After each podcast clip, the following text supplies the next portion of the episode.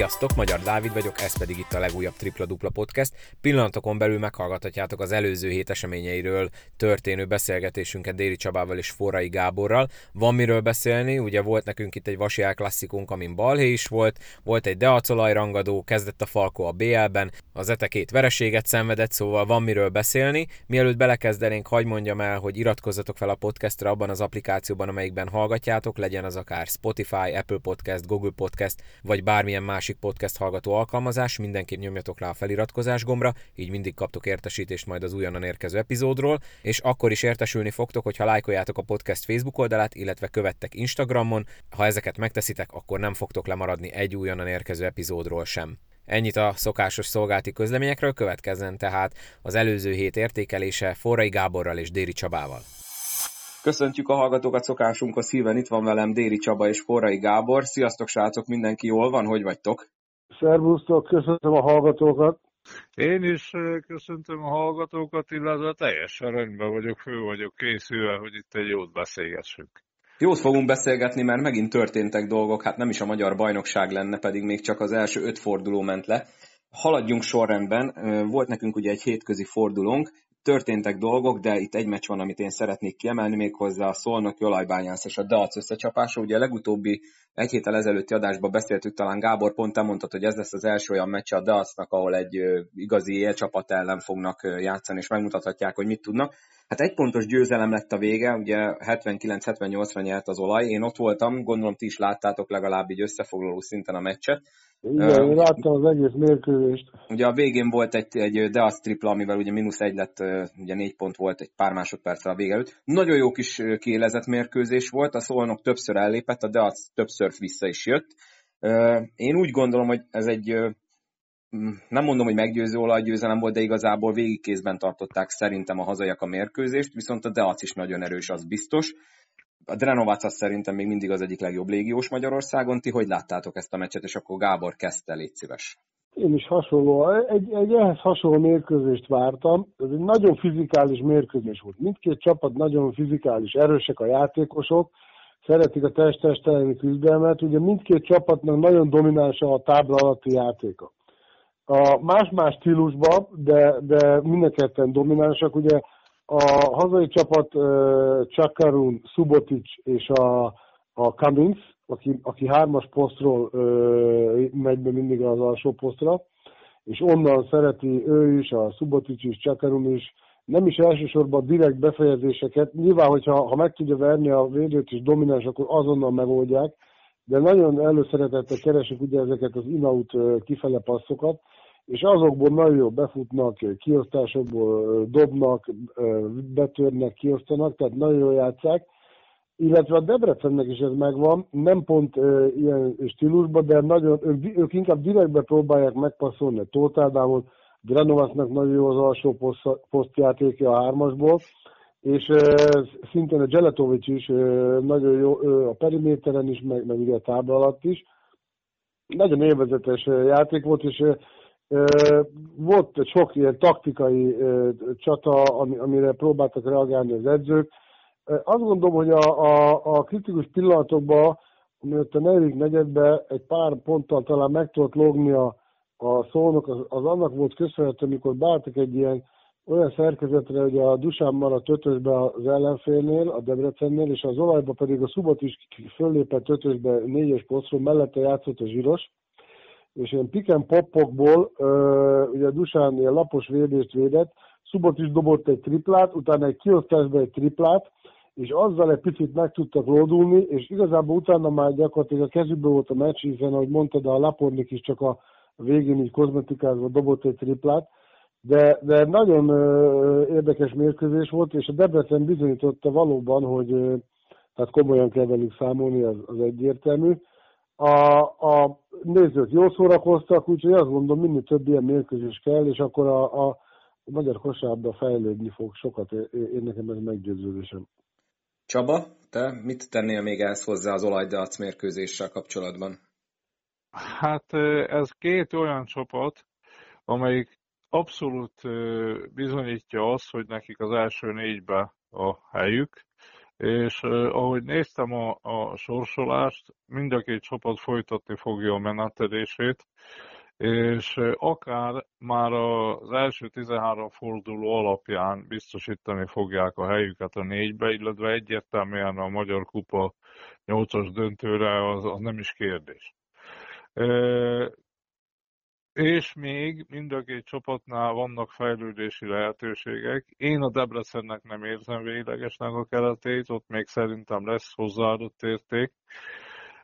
A Szolnoknál meg azzal, hogy a, a Pongó majd mikor százszázalékosan visszatér, illetve a Solano is belép a játékba. Itt két nagyon-nagyon erős csapatról van szó, és várom a folytatást. Amiknek szakmailag mondott a Gábor, az teljesen állja a helyét. Akkor megyünk is tovább. Szakmailag egy nagyon érdekes mérkőzés volt a hétvége nagy rangadója. A körment Falkó, ugye a Vasi El Classico első felvonása. Hát sajnos erről a meccsről majd nem csak a maga a kosárlabda miatt kell beszélni, hanem ami ugye a nézőtéren is történt.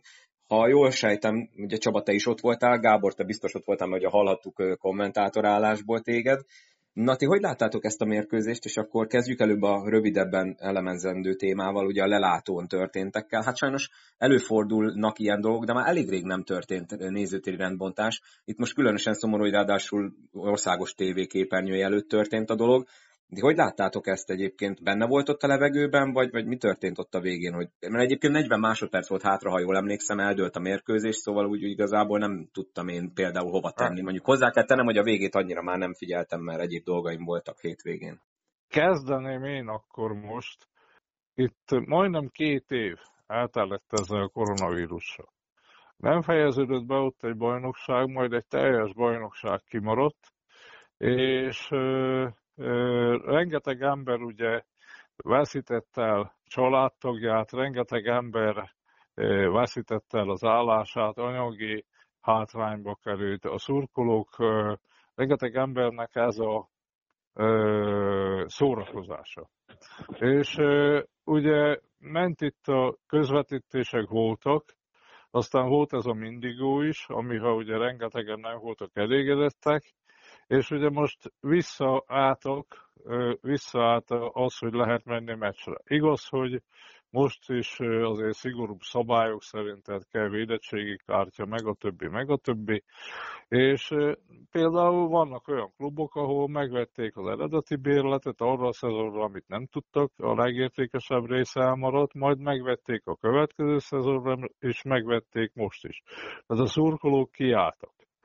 Van egy frusztráció, aztán vannak olyan fölfokozott szituációk, amiket, amiket sokszor nem jó kezelnek.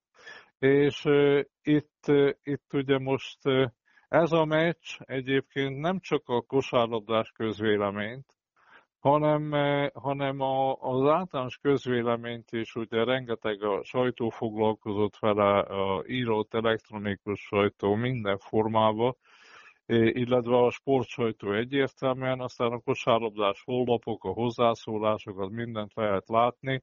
Itt ugye fölmerül a rendezők felelőssége, fölmerül a biztonsági cég felelőssége, fölmerül a két szurkolótábor felelőssége, illetve ugye volt itt kiállítás, edző, aztán tehát itt rengeteg egyéb érzelmek föltörnek, és hát ezeket meg kell tanulni újra kezelni.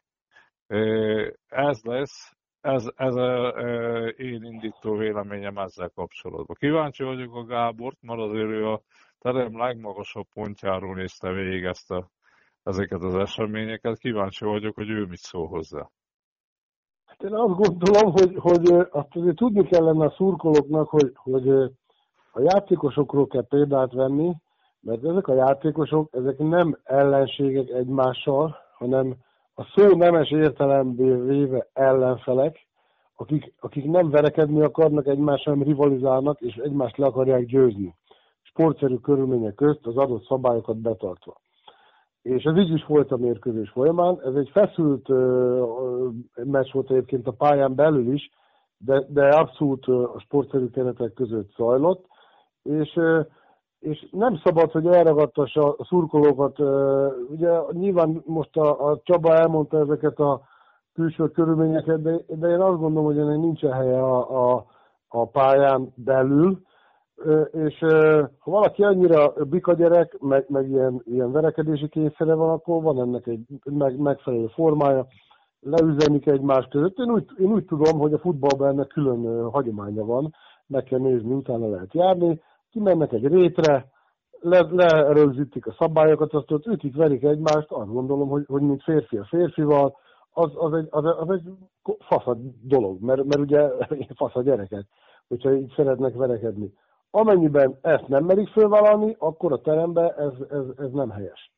Úgyhogy nekem ez a véleménye, én nem is foglalkoznék vele többet egyébként, mert, mert ez, itt úgyse lehet igazságot tenni, majd most kikezdte, kifolytatta. Én egyébként azt gondolom, hogy a, a Csabán nekem sokkal egyszerűbb a, a, az a, az ok, ami miatt ez kitörtént, a, a, az alkohol.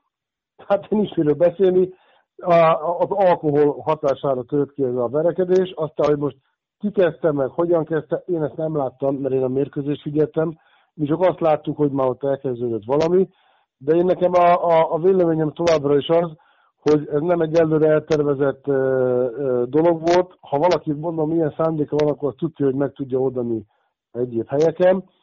Ez alkohol, be voltak rúgva egy, csomó ember, és egyszerűen akkor nem bírnak magukkal. Hát ez, ez a világ bármelyik részén e, e, előfordul, és nem csak meccsen. Úgyhogy, úgyhogy én sajnos ennek tudom csak be. Lehet egyébként, hogy egy Covid előtti időszakban nem kapott volna ekkora figyelmet ez az esemény, mert azért régen is volt ilyen mindig, kosárpályán is.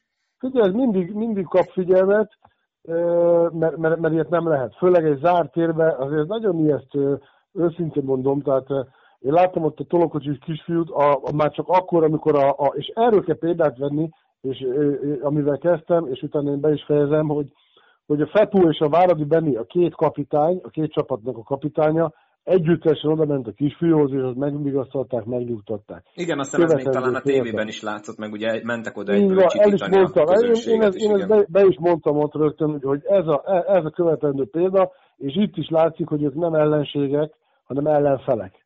Tehát azért, mert a pályán küzd a két csapat, az nem azt jelenti, hogy, hogy tehát ők tisztelik egymást, betartják a szabályokat, és le akarják győzni egyik csapat a másikat.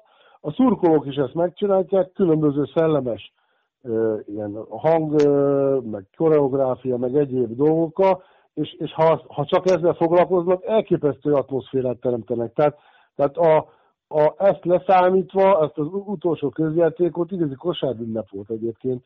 Teltház, izgalom, volt nagy amplitudó, vezetett az egyik csapat, visszajött a meccsbe, másik csapat, tehát minden adott volt ahhoz, hogy egy, hogy egy szép kosárda a hétvége legyen, kár volt ezzel elrondítani. Igen, hát kár, mert erről most többet beszélünk kb. majd lehet, mint a meccsről. Én még annyit igen, tennék igen. hozzá, hogy nekem itt Szolnokon az egyik ilyen szolgáltvezető a jó cimborám, aki itt a helyi mérkőzéseknek a biztosításában részt vesz, úgyhogy van tervbe a hétre egy olyan podcast, amiben majd beszélgetek valami illetékessel, aki elmondja, hogy hogy működik egy ilyen, szóval az is érdekes lehet majd, mert ugye most hirtelen mindenki biztonsági főnök lett, főleg nézi ő a tévébe, ugye bár aki főleg hiányolta ott mellőled a rendőrség intézkedés, stb. Hát, úgyhogy én, én, én, én beszélgettem vele, hogy milyennek a metódusa, tehát nem olyan egyszerű mint amilyennek ezt kívülről gondoljuk, de ez majd egy későbbi podcast témája. Nem is ö, tartjuk akkor itt, nem húzzuk az időt ezzel. A meccsről is beszéljünk egy picit, mert azért érdekes kis mérkőzés volt attól függetlenül, hogy ugye a végeredmény egy viszonylag sima ö, szombathelyi győzelmet mutat. Nagy futások voltak ezen a meccsen, ugye volt, hogy ellogott a Falkó, volt aztán, hogy visszajött a körmend, és ők is elmentek 10 pont környékén, de aztán a végén, hát én, én úgy gondolom, hogy a szombathely bedarálta a körmendet, ugye és megint ugye a magyar játékosokat kell venni. Benke Szilárd szerintem, hát nem tudom, amióta szombathelyen játszik, talán az egyik legjobb Most, mérkőzését igen, játszotta. Igen, igen. Mit láttatok, és én akkor most gondolom, így a szakmáról egy picit beszélgessünk. Figyelj, én azt gondolom, hogy, hogy ugye a, a Falko abban a ritmusban kezdte el a mérkőzést, amiben a, a, ott abba hagyta a BL-be, és egyszerűen a körmend eh, nem találta ezt a sebességet. Aztán ugye időkérés kétszer is, a, az edzőt egy kicsit ugye hangot adott a nem tetszésének. igen, igen, erről majd, erről, erről majd visszatérünk. igen, illetve a Ferenc Sabinak a jelenlét, amikor fölkerült a pályára, akkor ő tudatosan tehát ki, ki harcolt magának egy technikai fautot, de ez nem a bíróknak a tiszteletlenségét mutatva, hanem hogy fölrázza a nézőket és a csapatot. És ez a momentum, amikor egy kicsit úgymond kizökkent a Falkó a a, abba a, nagyon jó ritmusából. Ezekhez a rangadókhoz egyébként ezek a dolgok is hozzátartoznak. És ugye itt a Falko egy kicsit ugye elvesztette a ritmusását, a körmend uh, följött, és teljesen nyíltá tette a mérkőzést. És ez, ez utána, sőt, a második félidőben a körmend úgy kezdett szinte ellenállhatatlanul, hogy, hogy, hogy azt gondolta az ember, hogy, hogy itt most akkor akár még lehet is egy óriási meglepetés. Nyilván a Falkonak ez volt köze, és én azt gondolom, a végleges fordulópont ott következett be, amikor érthetetlen módon, egyébként én ezt már a helyszínen is megjegyeztem, meg ahogy én úgy beszélgettem kosárba szakértőkkel, akár ott helybe körmenden is a mérkőzés után, hát azért a le, legyünk őszinték, hát az ilyen ötös nem lehet fölküldeni egy ilyen csapat ellen, mint a Falkó.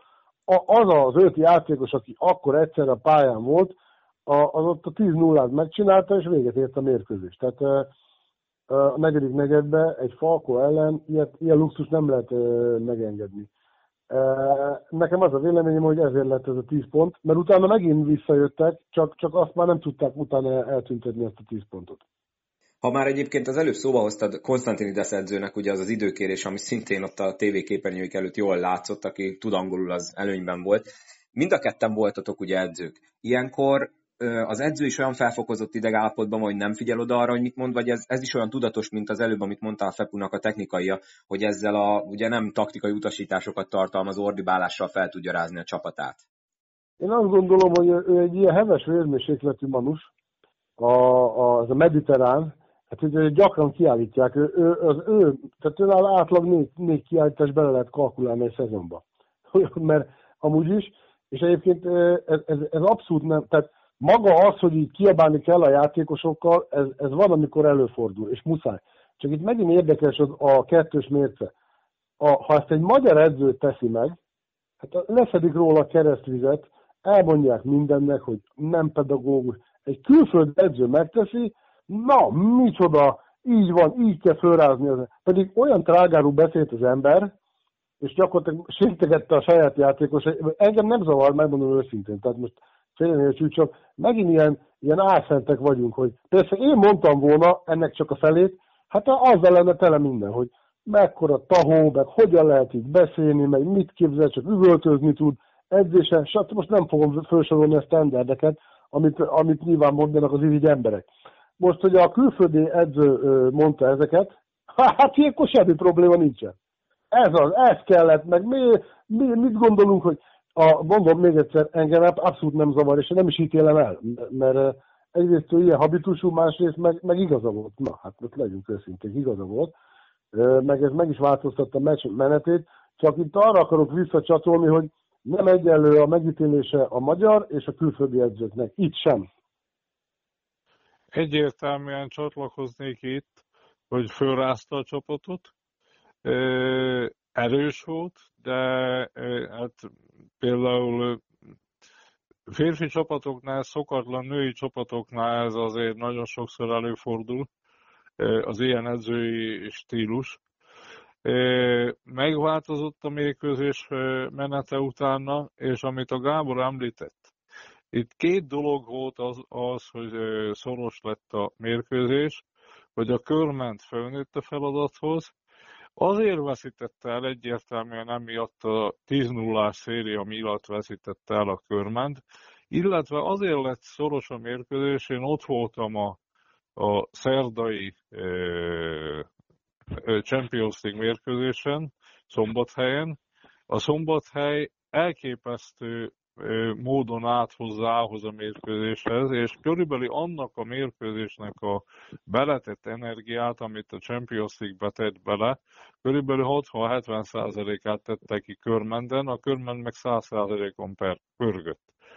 Na most itt, amit a Gábor kiemelt, ez a 10 0 mínusz, ez egyértelműen eldöntötte, és ott egy rossz kémiájú ötös tett föl a Konstantinidis, Úgyhogy mindenképpen, mindenképpen van ilyen időkérésnek létjogosultsága. Ne nézzük ezt egyébként, én nagyon sokszor nem tartom jónak azt, hogy ott van a mikrofon. Nem mindig, ez nem mindig irodalmi stílusban zajlik egy időkérés. Nem van, és itt a kettős mércét egyetértek a Gáborra, 12 darab külföldi edző van, kettő magyar, a kettő magyarnál is ugye véleményes már most a, a teljesítmény, és egész egyszerűen nem tesznek hozzá külföldi edzők annyit, amennyit én például várnék. Én magam is voltam külföldön edző, állandó kritikák keresztüzébe kellett dolgozni, és mindig meg kellett felelni. Itt meg elnézőbbek vagyunk a külföldi edzőkkel, mint a magyarokkal voltunk az utolsó években. Lépjünk tovább ebbe, és akkor menjünk a következő feladatokra. Épp javasolni is akartam, hogyha még esetleg valamit szeretnétek itt szakmai szempontból mondani, de akkor menjünk tovább. Hát egyre kevésbé elnézőek például az edzői teljesítménnyel is Zalaegerszegen. Rengetegszer beszéltünk már róluk korábban, de most is kell, mert folytatódik a veszőfutásuk, két mérkőzés, két vereség. Nem is tudom, melyik ebből a fájdalmasabb, kettő ponttal kikapni oroszlányba, vagy hazai pályán, hogy lesimázta őket a Szeged, ugye ez volt az utóbbi hétvégi mérkőzés. És itt tegyük hozzá, ugye, hogy az OSE az nagyon sok szoros meccset játszott, előtte és utána is, a Szeged pedig hát úgy érkezett Zalaegerszegre, hogy győzelmi kényszerbe voltak, mert meglepetésre a sikeres Europe Cup selejtező után otthon kibírtak kapni a Kaposvártól úgy, hogy egyébként azt hiszem 20 pont fölüli különbségről végül át is vették a vezetést, de aztán a végén egyen nyert a Kaposvár. Szóval igazából úgy mentek oda Zalaegerszegre, hogy muszáj nyerni, és hát viszonylag simán sikerült is 12-vel győztesen távozni, de akkor beszéljünk most a Zalaegerszegről. Ugye múltkor mondtátok, hogy miben kéne szerintetek változtatniuk. Láttatok-e bármi változást ezen a két mérkőzésen? Csaba, te ugye ott is voltál a hétvégén, ha jól tudom. Ott voltam, illetve meg is néztem a Youtube-on. Sőt, közvetítése az Olagerszeg Városi TV közvetítésébe. Na most itt fölmerültek kérdések. A Szeged kikapott otthon a Kaposvártól, Kaposvár nagyon jó játszott, illetve a Szeged előző héten oda-vissza utazott Krasnojarskba, illetve két meccset is játszott, és rossz napi formát fogott ki a Kaposvár ellen. Az ETA nyerési esélye volt az ETA-nek oroszlányba.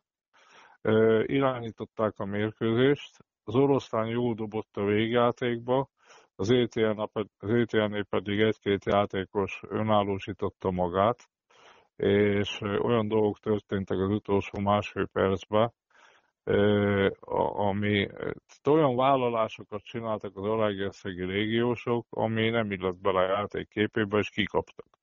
De az egy vállalható mérkőzés volt. Ugye én úgy mentem oda, hogy ez egy kiki meccs lesz, mind a két csapatnak kellett a győzelem, az Alágerszegnek és a Szegednek is. És láttam, láttam a, a, a Szegedben ráadásul az Alston nevű játékosuk, aki talán az egyik legjobb center a magyar mezőnyben, nem játszott.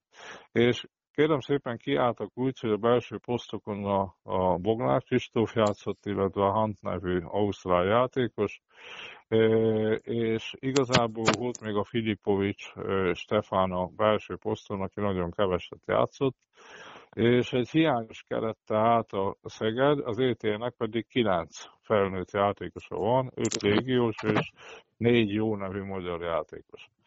Na most az ETE nagyon agresszívan, agilisan lépett föl, tehát jöttek a Guytonna, a Wilsonna, aztán a két amerikai centerre, és a Poster Attilával.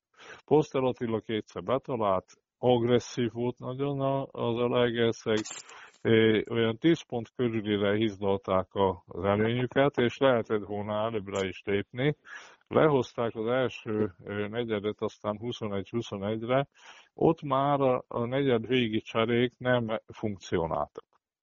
Aztán a második negyedbe, amikor akár 10 pontos előnyre is tehetett volna szert az Alegerszeg, olyan kémiájú kezdő ötöseket tett fel a Teo, hogy, hogy nagyon nagy szegedi előny realizálódott, és ahelyett, hogy maguk mellé állították volna a közönséget, az Alaegerszeg, már ott paprikás volt a hangulat, Majd ugyanezt az előnyt a Szeged végigvitte, okosan játszottak, és a második negyedben folytatódott az ETE, az ETE két dolog volt. Volt, amikor nagyon jó periódust fogott el, aztán utána jöttek, jöttek a cserék, illetve az te, számomra teljesen érthetetlen kémiájú, meg összetételű csapatok, amikben nem is lehet kosárlabdázni, kerültek föl a pályára.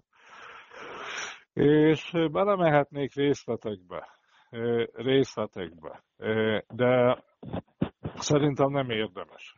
Ez az ETA, az én megítélésem szerint egy klasszikus tammese, hogy mit nem szabad csinálni. Tehát itt egy városvezetés, egy klubvezetés nagyon-nagyon komolyan mellé állt az idei baj, bajnokságnak.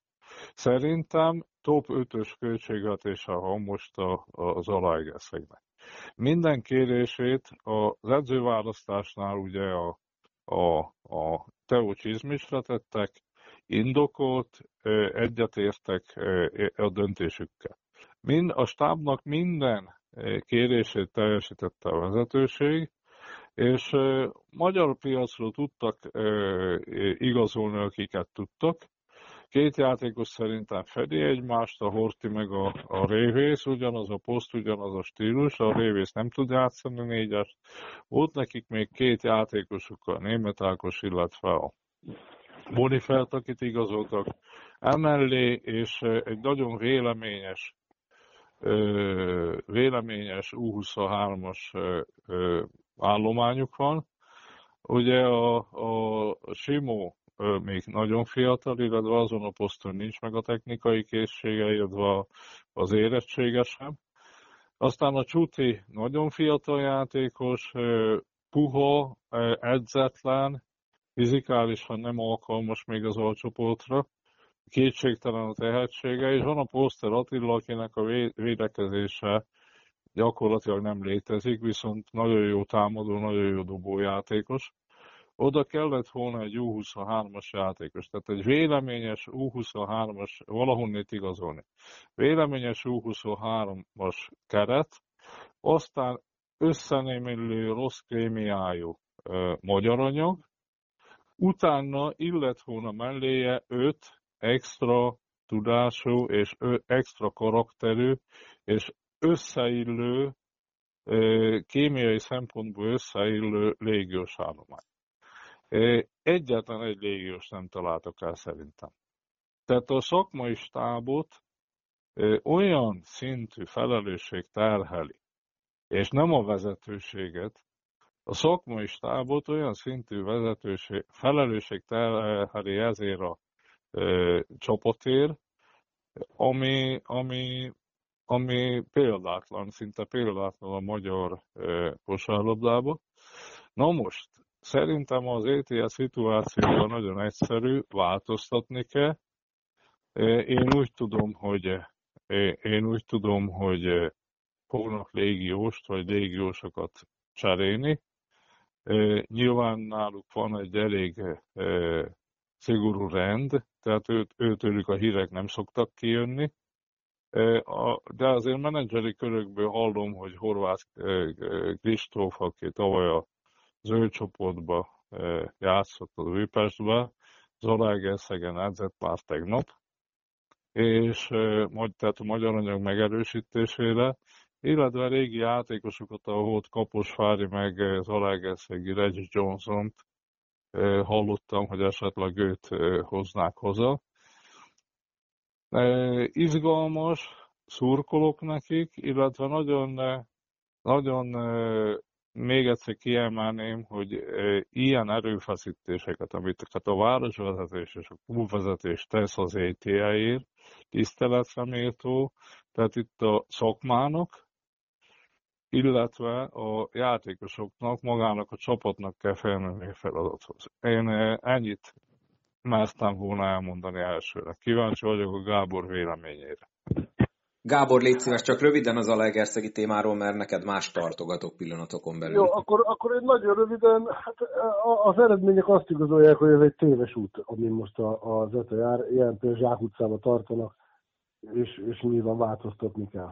És az a baj, hogy most már egyre nagyobb a lemaradásuk, ugye egyedül a 0-5-ös Nyíregyházát előzik meg a tabellán, és hát nem sok mindenkinek van négy veresége konkrétan, ugye csak nekik a kaposanak van, tehát azért minél előbb lépniük kéne, hogy meglegyen az a Magyar Kupa indulást érő hát, nyolcadik hely. Azért, arra nagy, nagy összegbe fogadnék, hogy ez nem lesz meg, mert ugye most három olyan mérkőzésük jön, azért, ami a, egy, egy Pakson, aki egy jó formában kezd lendülni, tehát két komoly győzelmet szerzett egymás után, utána a Falkó, és utána a Debrecenbe mennek, tehát azért nem baráti a sorsolásuk. És még majd játszanak az olajjal is, ha jól tudom, még hát a Fehérvárra se játszatok, szóval még a nehéz csapatok ezután jönnek, ugye a szurkolóik is a fórumokon hát ezt emelték ki. Kell, hogy, igen, hogy gyenge csapatokkal, vagy, vagy bocsánat, nem gyenge, hanem nem top csapatokkal játszottak. Hát majd meglátjuk, a, hogy mi lesz. A Teo nem ismeri a viszonyokat, és nem, nem, nem tudja, hol van. Majd meglátjuk, mi lesz. Na, Gábor, neked a, hát a volt csapatodat tartogattam, remélem nem haragszol meg érte, hogy téged kérdezek első körbe. Ugye hát a Albánál is vannak problémák. Először ugye megverték a Nyíregyházat, de fél időben még a, a Nyíregyiek vezettek meglepetésre. Vége sima siker lett, de ezt mondjuk szerintem félretehetjük. Viszont ami nagyobb égés volt, mondjuk így ki, az az eddig eléggé gyengén teljesítő Pécs otthonába, azt hiszem 24 pontos harmadik negyed elejé vezetésről 103-99-es vereség.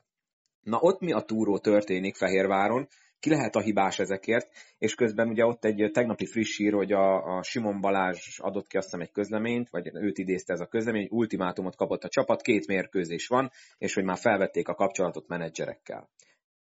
Na, ilyen légkörben hogy lehet teljesíteni ezt a két mérkőzést vajon?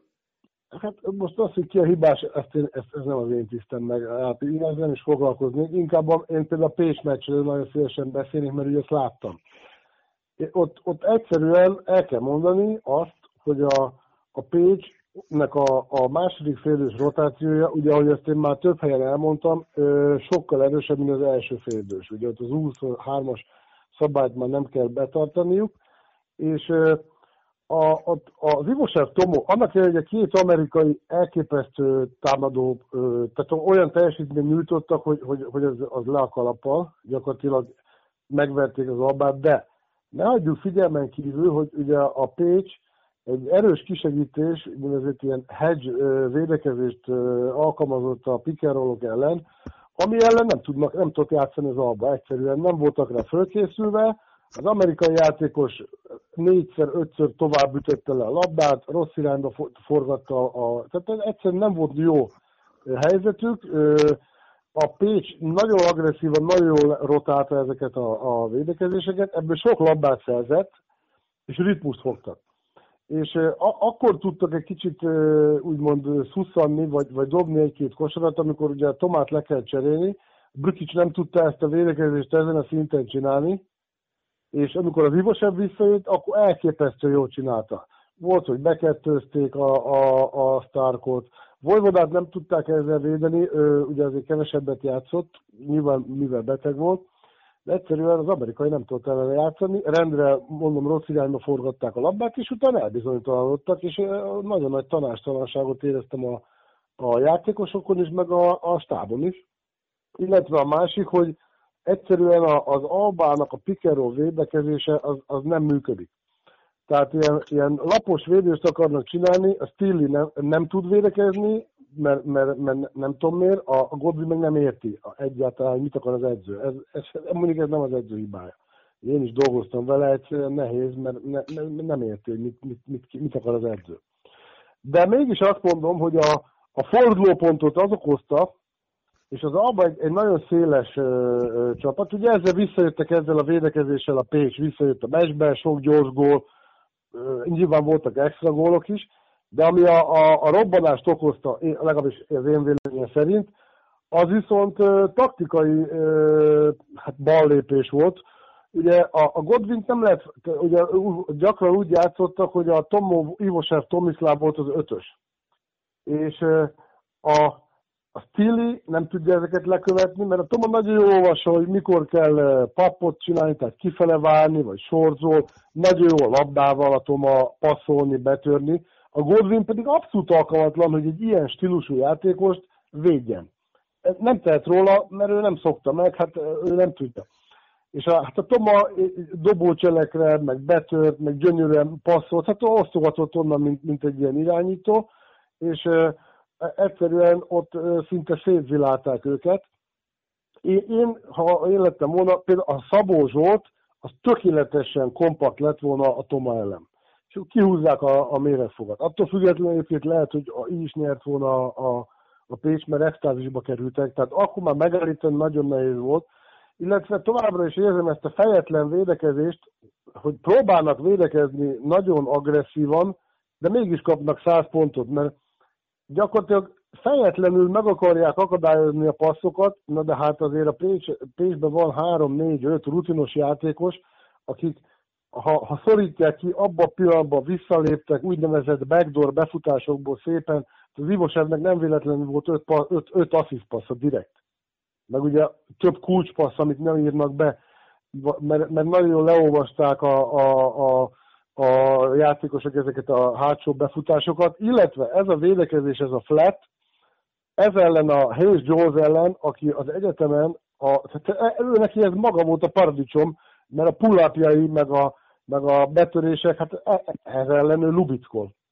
Ugyanúgy, ahogy a Stokes is egyébként lubickol ugyanez ellen, vagy a Star, bocsánat, az Albás, Lubickól ezen a védekezés ellen.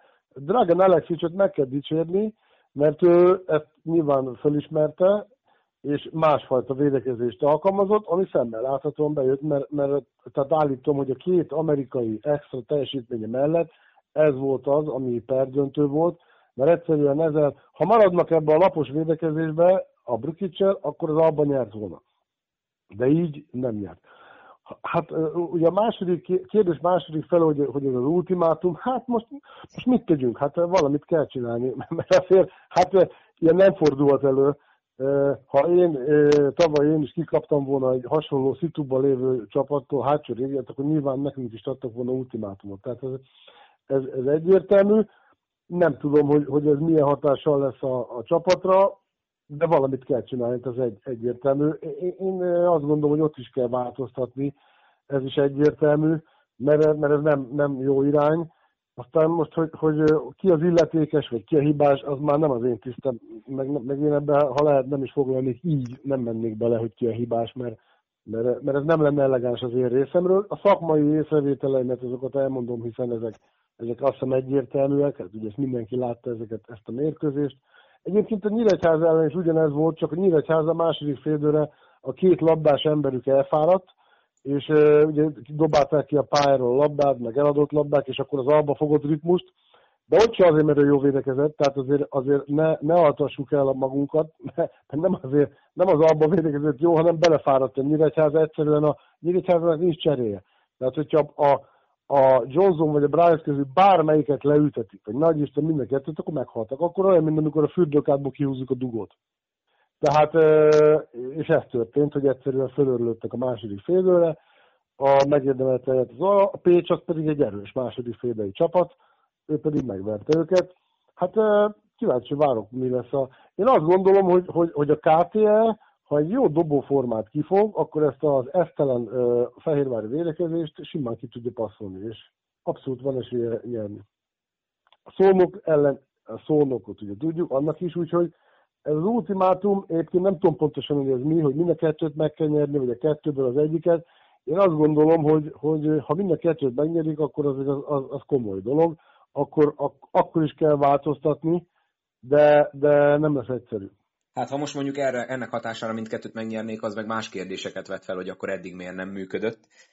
Annyit nem, tennék figyelj, még... én, én, nem érzek ilyen, hallok ilyen állatságokat, már ne haragudj, hogy ezt a szót használom, hogy, hogy furkálódnak. Nem, e, e, tehát egyszerűen nem jó, tehát ezekre a játékosokra ez nem jó, és olyan játékosokkal föltöltve, akik nem tudják ezt megcsinálni. Tehát a, a, a, a Stilli nem tudja megcsinálni ezt a védekezést. Tehát, ö, ö, egyszerűen nem érti, vagy, vagy lassú mindig, hát mindig szerelni akar. Na de most, most azért ez nem újdonság, mert aki megnézte a, a scoutot, az, az, nyáron ugyanezt elmondtam, le van írva, ugye én leírom mindenkire a scoutot, ugyanezek a dolgok le voltak írva.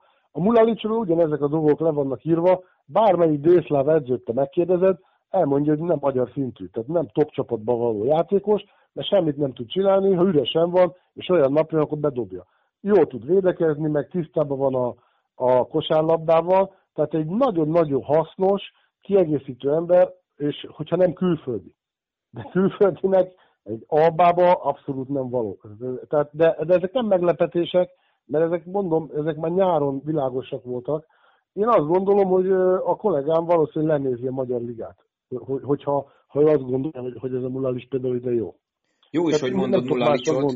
Jó is, hogy mondtad. Ö, annyit tennék ugye hozzá, hogy a Alba kapta a legtöbb pontot eddig az öt mérkőzés alatt, azért ez igen, eléggé igen. szokatlan. Ö, ugye itt az ultimátum. Két kérdésem van még ezzel kapcsolatban, és akkor zárjuk le, és Csaba, nyugodtan te is szóljál bele, hogyha ha Mondom. szeretnéd. Az lenne a kérdésem, hogy az, hogy ezt így mondjuk úgy világá kürtölték. Ez plusz nyomást helyez a játékosokra, vagy ez, ez szerintetek jó-e vagy rossz-e, esetleg érdemesebb lett volna házon belül megtartani, illetve ez egy ilyen kis technikai kérdés a részemre, hogyha mondjuk légiós csere van, ugye Mulalicsot elég sok fehérvári szurkoló szeretné már nem az ő mezükben látni, akkor ilyenkor ez anyagilag mennyire megterhelő egy csapatnak? Ki kell fizetni az egész hátra levő bérét a játékosnak, vagy ez szerződés függő? Na most én kezdeném. Első dolog, a ö, ultimátum. Nagyon helyes, hogy az Albakomp a föltette a honlapjára, illetve ahogy onnét a, a kosárlabdás portálok átvették. Nincs ezen semmi titok. Az lenne a baj, hogyha egy vezetőség erre nem reagált volna. Nyilván ezt közölték előtte már a csapattal, nyilván kulturált formában az Albakomp egy szervezett, kulturált, intelligens vezetőkkel megáldott klub. Nyilván játékosok tudtak erről, illetve egy játékos, aki profinak megy, az számíthat erre, illetve ez együtt kell neki tudni élni, és emellett is kell tudni teljesíteni. Mulalics témába.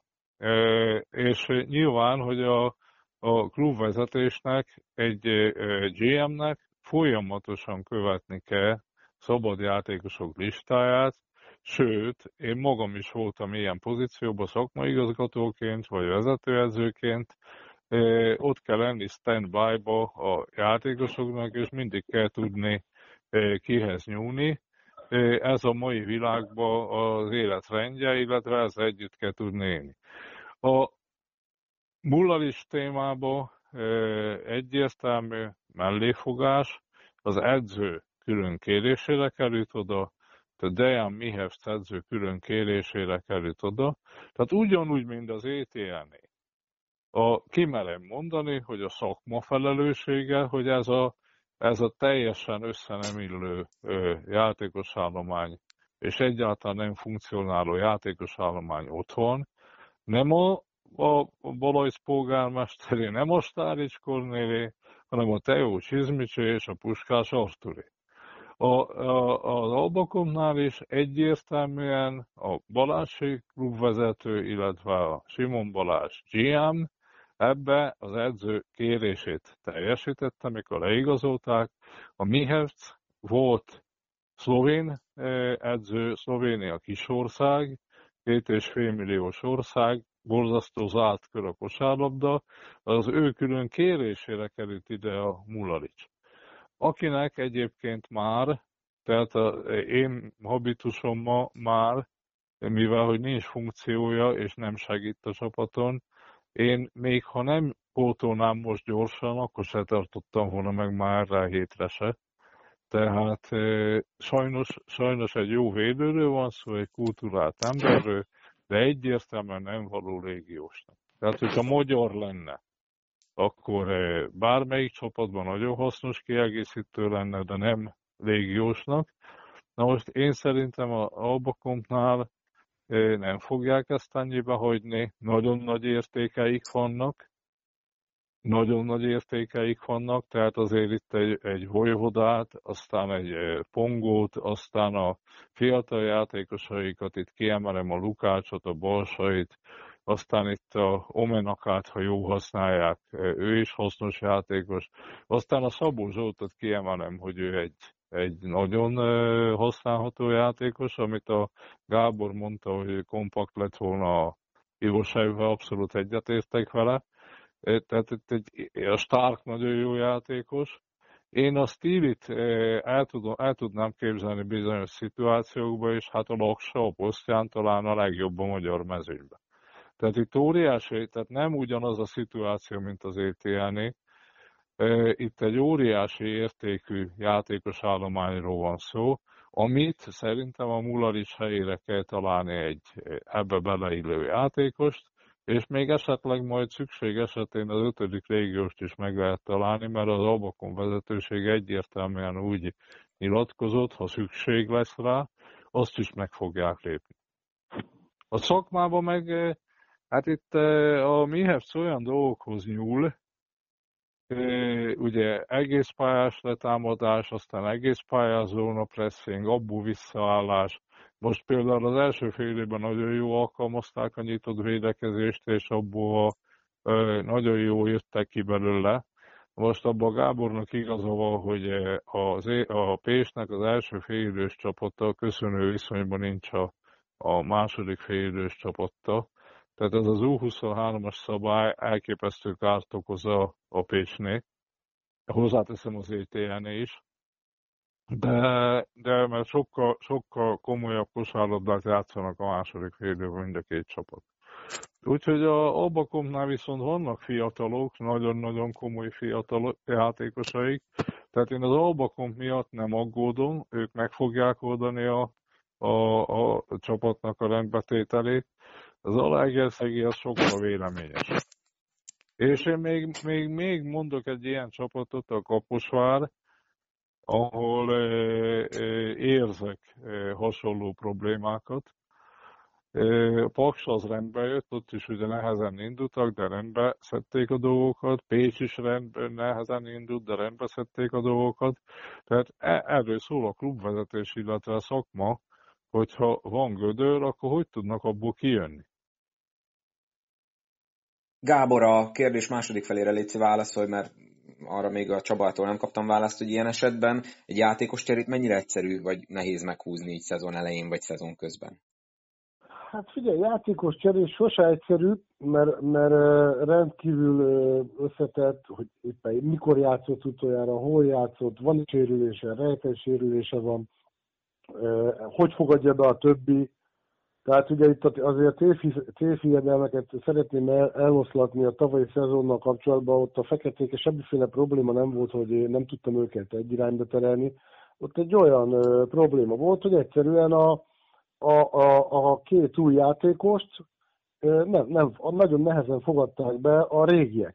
Tehát ott sem, nem a, a, a magyarok meg a külföldiek ellen volt a probléma, hogy a, a külföldiek és az edző ellen, kiváló viszonyban voltunk, ó, abszolút rend volt az öltözőbe, hanem egyszerűen ö, olyan rivalizálás lett, hogy szerették a, a Frank Turnert, és, és egyszerűen szinte, szinte marták egymást, heteknek kellett eltelni, mire ezt egy normális szituációt tudtunk behozni. Végül sikerült is, hiszen a playoff kiválóan egységbe kerültünk.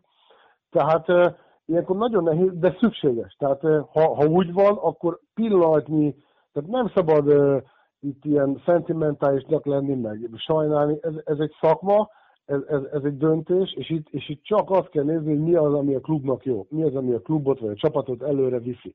És, ilyenkor, és ezért, tehát uh, nálunk voltak ilyen problémák, hogy egyszerűen nem volt elég határozott a, a, az erre kijelölt személy.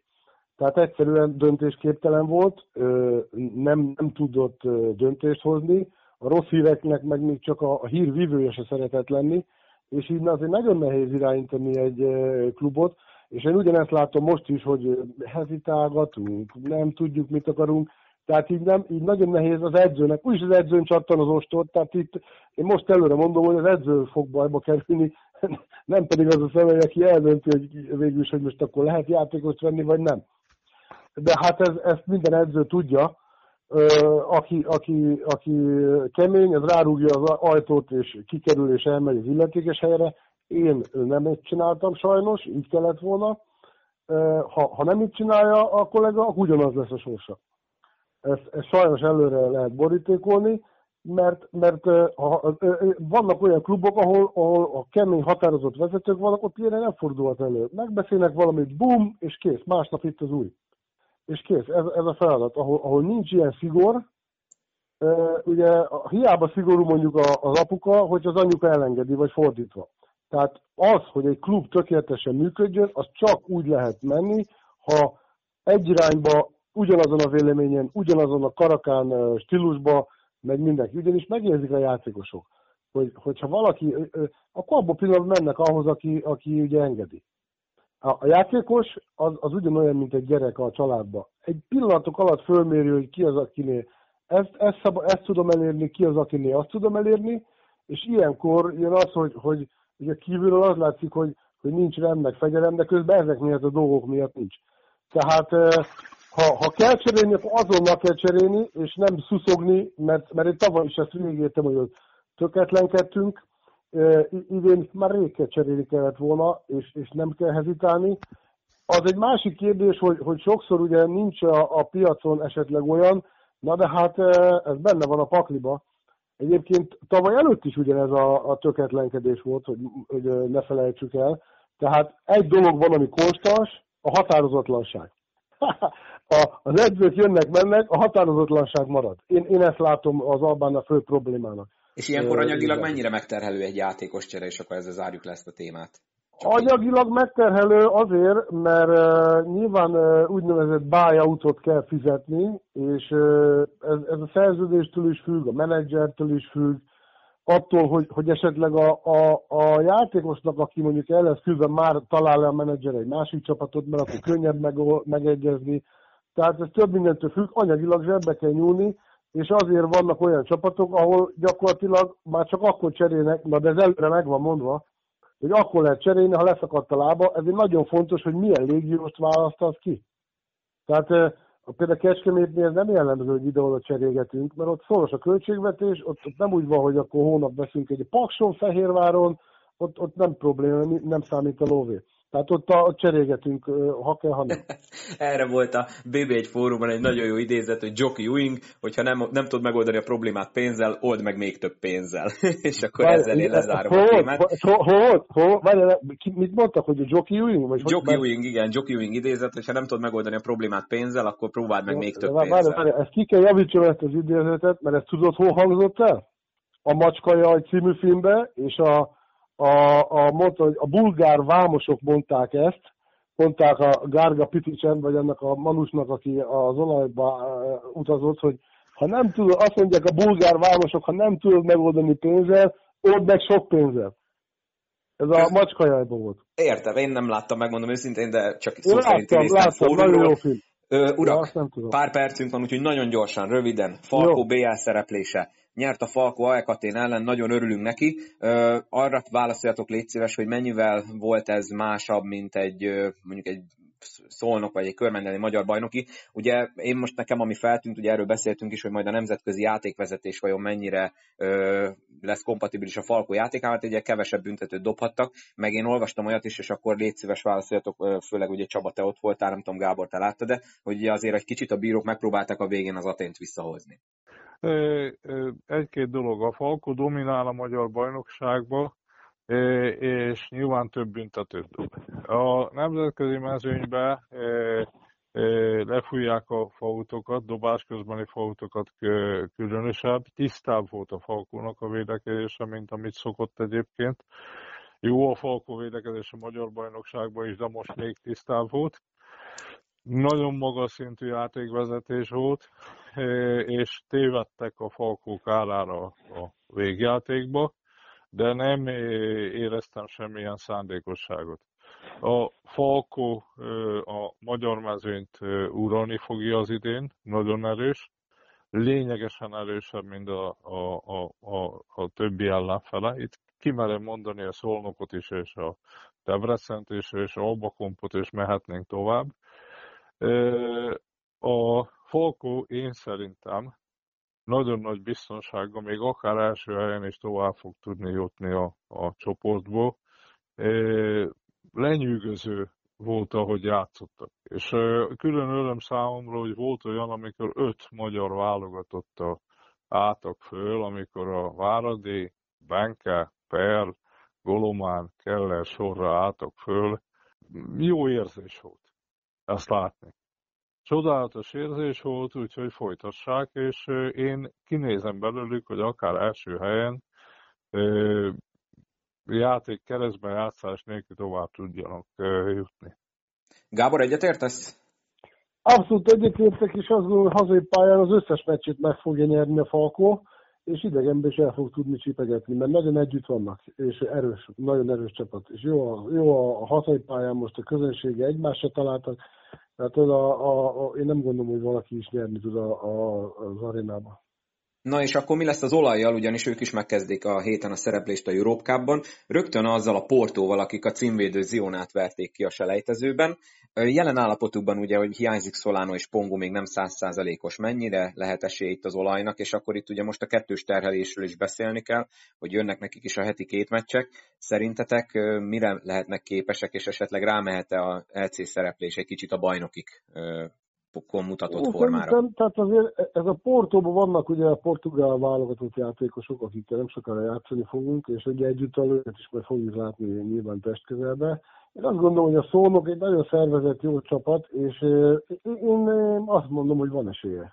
És meg fog, tehát fog nyerni a, abba az Eurókupába, és még pedig azért, mert, mert hát nagyon szervezettek, ott ugye nem kell a, a, a fiatal szabályt alkalmazni, tehát ott vannak azért tapasztalt magyar játékosok, ugye a Rudner itt több szerephez tud jutni már akár az első félidőben, vagy a Kovács Peti védekezésben.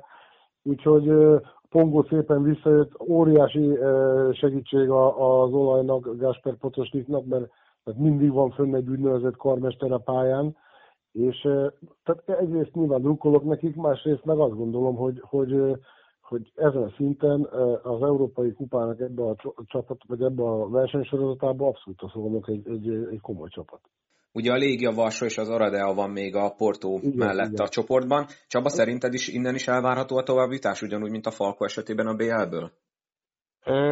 egyértelműen a szólnokat nagyon sújtja a fiatal szabály. Tehát Pallai egyszerűen nem tud stabilan játszani, a tájhó meg sokszor a labda megfogása ö, probléma. Tehát a, a magyar bajnokságban a, a szolnoknak komoly problémái vannak azzal, hogy egy fiatalnak mindig a pályán kell lenni az első fél időben. Viszont a második fél idei csapatuk brutálisan erős. És ahogy visszaáll a Pongó meg a Solano, akár szintén kinézem belőlük azt, hogy első helyen jussanak tovább, meg fogják meg tudják venni mind a három csapatot. A Nagyváradot jól ismerem, nincsen benne igazi vezér karakterű játékos, rengeteg jó játékosuk van, vagy közepes játékosuk van, csapatba gondolkodnak. A lengyel csapat nem e, tartja fő prioritásnak a, a nemzetközi kupát.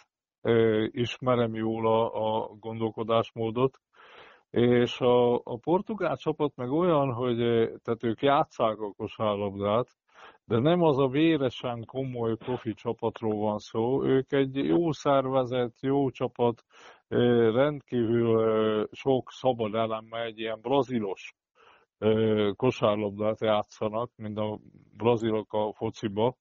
Tehát bármi előfordulhat, a Szolnok nagyon érett csapat, és mondom, nagyon-nagyon erős csapata van a Szolnoknak és egyértelműen én ott is ugyanúgy, mint a Falkónál továbbjutást várok.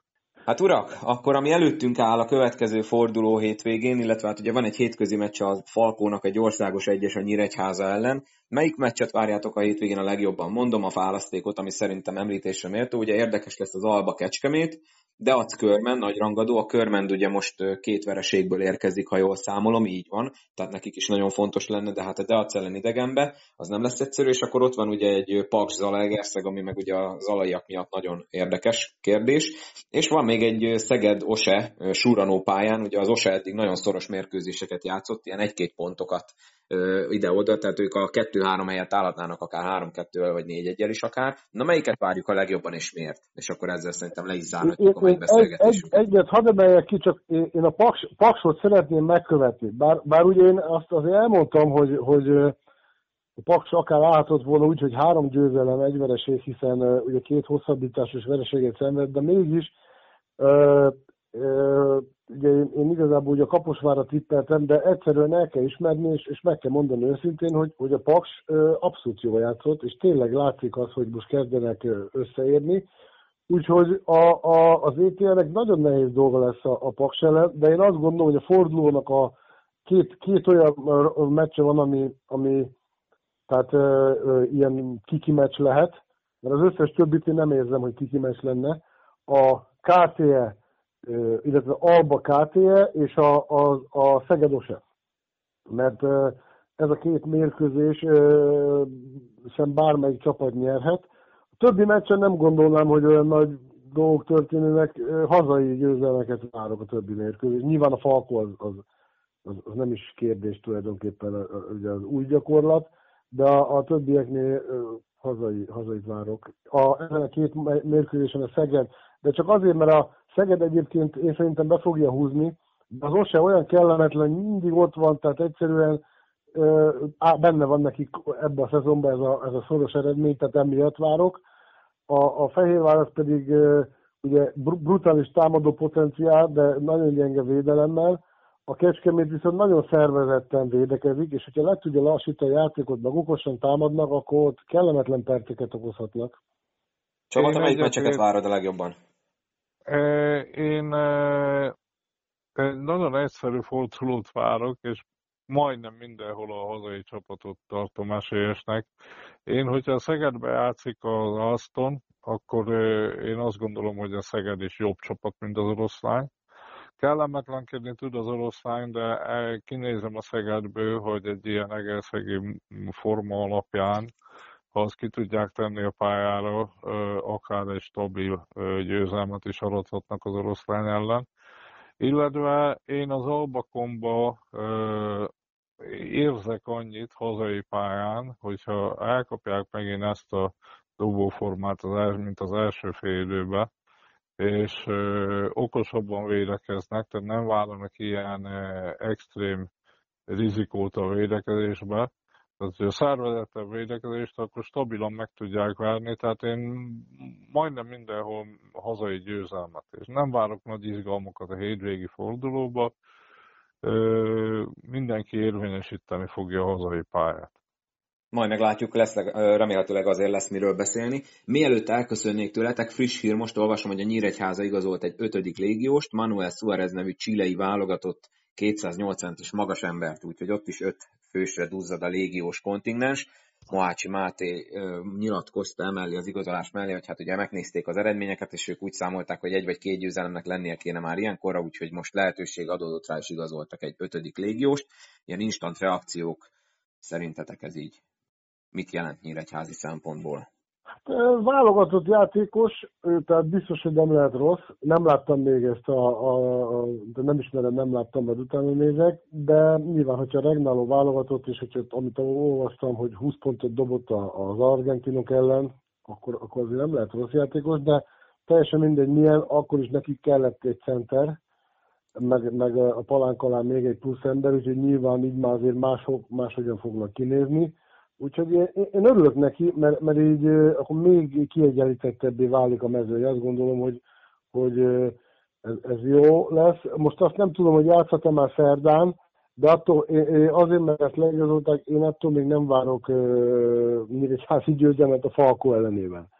Ellenben szombaton Sopronba fognak játszani, oda megyünk, mert az MTV közvetíteni fogja, az M4, és ott kíváncsi leszek, hogy hogy a muzsika ott élőben meg fog nézni. Nyilván előtte fölkészülök belőle, hogy tudjam, hogy kicsoda, micsoda, de izgatottan várom, hogy, hogy és drukkolok nekik, hogy, hogy minden jobban építsék a csapatukat. Hát hétfőn érkezett meg, úgyhogy lehet, hogy holnap még nem fog játszani, de szerintem hétvégén már biztos. Csaba, valamit szeretnél még hozzátenni bármihez? Hiánypótló mindenképpen a center, deficitjük volt azon a poszton, illetve én ránéztem, kicsit nekem statikusnak tűnik, főleg a védekezése. Kíváncsi vagyok. Tehát nem részletesen néztem meg, csak egyáltalán megnéztem, hogy milyen highlightok alapján néztem meg, az ugye kevés. De, de nagyon sokat fog javítani a Nyíregyháza játékán, de ezen a héten mind a két meccsen nem ők az esélyesek. Tehát sem Székesfehérváron, sem a Falkónál, bocsánat, sem Sopronban. Urak, szokás szerint nagyon szépen köszönöm, szerintem megint nagyon jót beszélgettünk, érdekes témákat szolgáltatott ezúttal is a Magyar Bajnokság. Találkozunk jövő héten ugyanebben az időpontban, és akkor meglátjuk, hogy mik történtek itt ezeken a mérkőzéseken, amin ugyan mindannyian sima mm, papírformát váltok, de hát magyar bajnokság szóval szerintem alsó hangon egy mérkőzés biztos lesz, ami a vártakkal ellentétesen alakul. Köszönöm szépen még egyszer a segítségeteket, és hogy itt voltatok. Mi is köszönjük. Mi is köszönjük. Szokás szerint köszönöm Csabának és Gábornak, hogy itt voltak a podcastben, nektek pedig köszönöm szépen, hogy meghallgattátok ezt az epizódot is. Tegyetek így a továbbiakban is, tartsátok meg ezt a jó szokásotokat. Ehhez az kell, hogy iratkozzatok fel a podcastre abban az applikációban, amelyikben hallgatjátok, akkor mindig értesültök az új epizódról. Akkor is, hogyha lájkoljátok a podcast Facebook oldalát és követtek Instagramon, ezeket tegyétek meg, és akkor nem fogtok lemaradni a következő epizódról sem. Ha tetszett a podcast, akkor pedig írjatok értékelést a Facebookon, vagy csillagozzatok, illetve írjatok értékelést az applikációban, amelyikben hallgatjátok. Nagyon megköszönöm. Még egyszer nagyon szépen köszönöm a figyelmeteket, további szép hetet mindenkinek, vigyázzatok magatokra, találkozunk legközelebb, sziasztok!